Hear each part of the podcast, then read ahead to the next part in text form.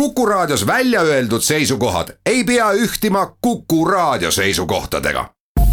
Te kuulate Kuku Raadiot.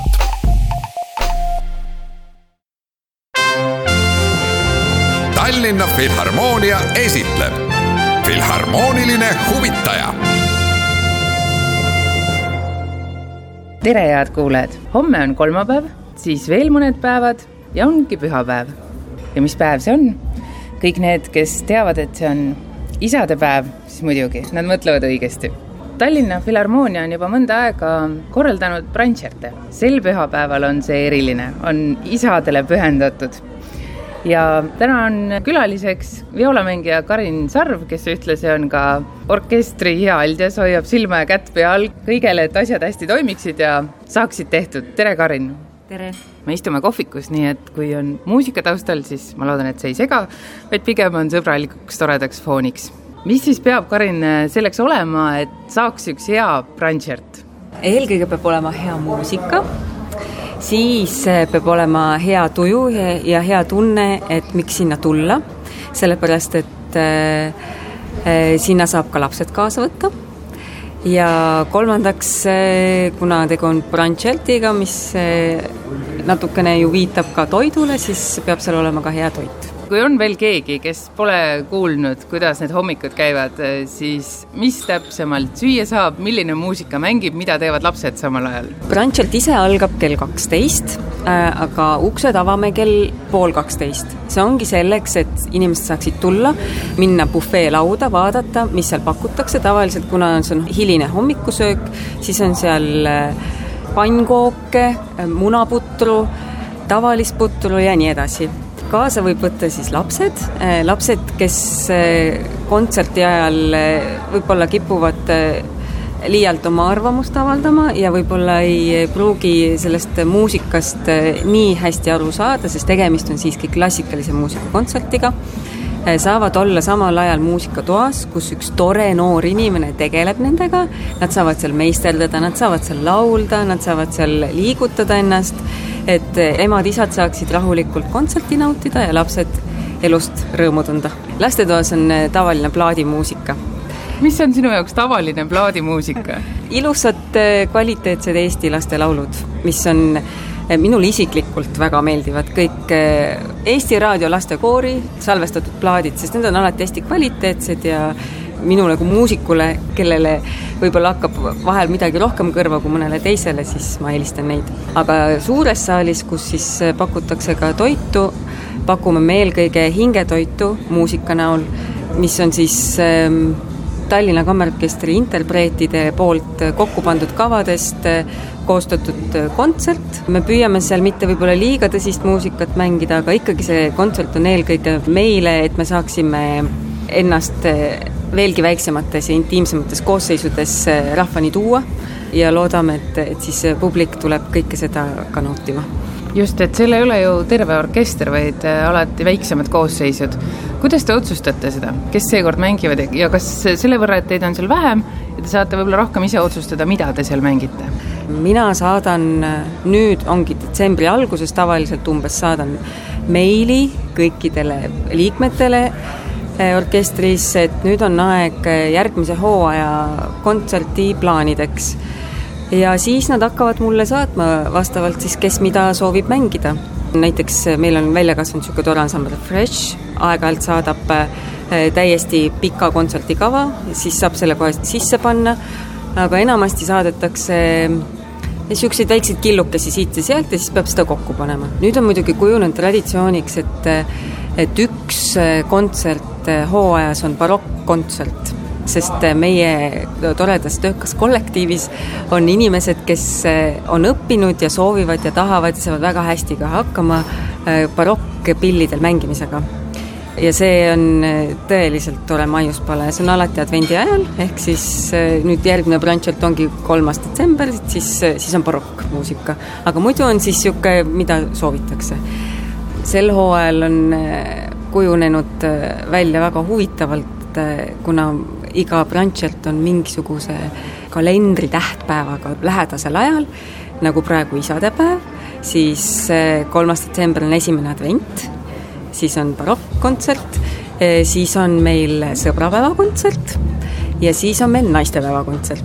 et, et kõik on niiviisi noh, kujunenud ja ma ei tea, kas on õhus või kuidas need inimesed või nad räägivad nii palju omavahel, kuigi ma ei ole seda täheldanud, et ikkagi need palad, mis lõpuks valitakse ja soovitakse mängida, need ikkagi grupeeruvadki alati kuidagi iseenesest, et ei, väga ei peagi sinna kunagi niiviisi vahele ennast kuidagi surkima, et kõik kujuneb ise rahulikult kas te pole mõelnud, et selle Brandcherti puhul võiks olla kuulajate soovikontsert?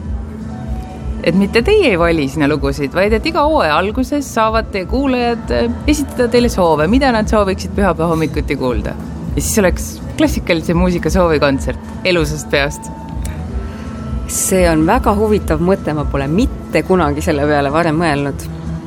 ma arvan, et äh, ma ei ütle praegu jaa ega ei ma arvan, et äh, ma viskan selle mõtte õhku oma kolleegidele ja muidu tuttavatele ja sõpradele ja vaatame, mis sellest välja tuleb. mine tea, äkki tuleb midagi põnevat.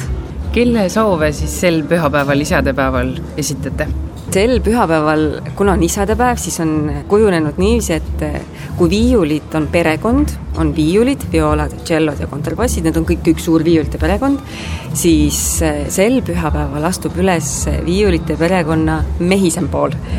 see ei tähenda, et mehed mängiksid ainult pille.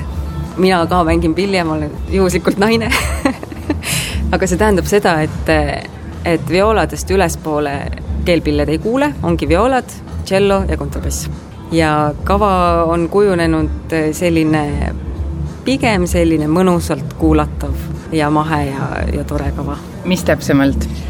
kavas on meil äh, Rombergi äh, tšellosonaat, mis on seatud ümber tšellole, violale ja kontrabassile, mida siis esitavad Leho Karin, tšellol, violal Helen Kedik ja kontrabassil Jüri Lepp.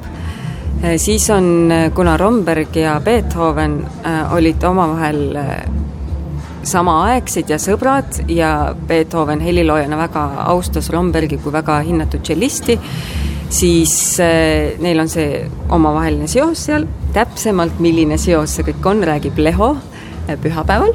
Äh, ja siis mina koos Lehoga esitamegi Beethoveni kuulsat viola tšello duot obligato silmaklaasidega, otsetõlge, ma saksakeelset nime ei hakka ütlema, sest ma ei oska eriti hästi saksa keelt. ja siis on neljale violale York Bowen, selline inglise helilooja, kirjutanud Fantaasia ja siis niisugune huvitav leid Hispaania heliloojate loomingust Sancho Engaño, kes on kirjutanud sellise toreda bluusisüüdi neljaosalise, mis on tõesti hästi tore ja huvitav äh, kuulamine.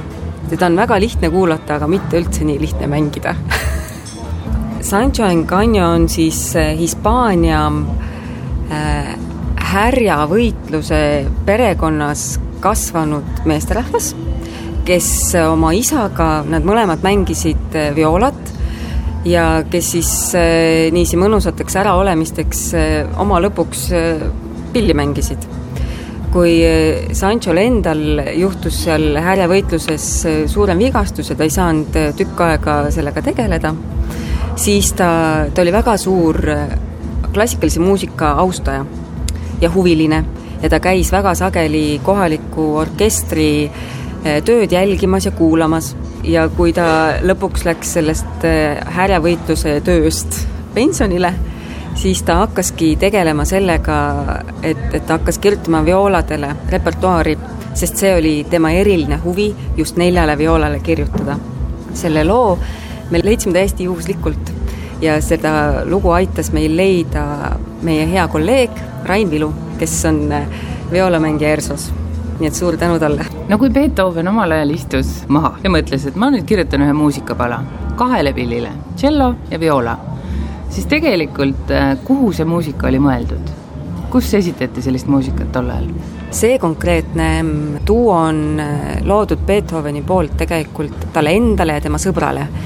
Ja nad esitasid seda koos sellistel mõnusatel kammermuusikaõhtutel, sest omal ajal ju nii tehti, ei olnud ju makke ega midagi, kõik sõbrad tulid kokku, võib-olla rüppasid veidi veini ja, ja siis musitseerisid niiviisi mõnusalt oma, oma, omakeskis.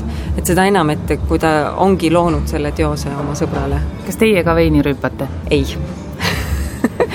Brunchertil, kuna on pereüritus, siis pere ja alkohol kokku ei käi.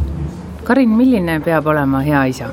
hea isa peab olema mõistev ja mina arvan, minul on väga hea isa, sellepärast et ükskõik, mis otsuseid ma ka pole teinud, ta on alati toetanud mind ta on küll võib-olla vahel öelnud, et mõtle uuesti järele, et, et mida sa sellega soovid saavutada, aga ta on alati toetanud mind ja see ongi kõige tähtsam. kas sa oma isa kutsuksid sellele kontserdile?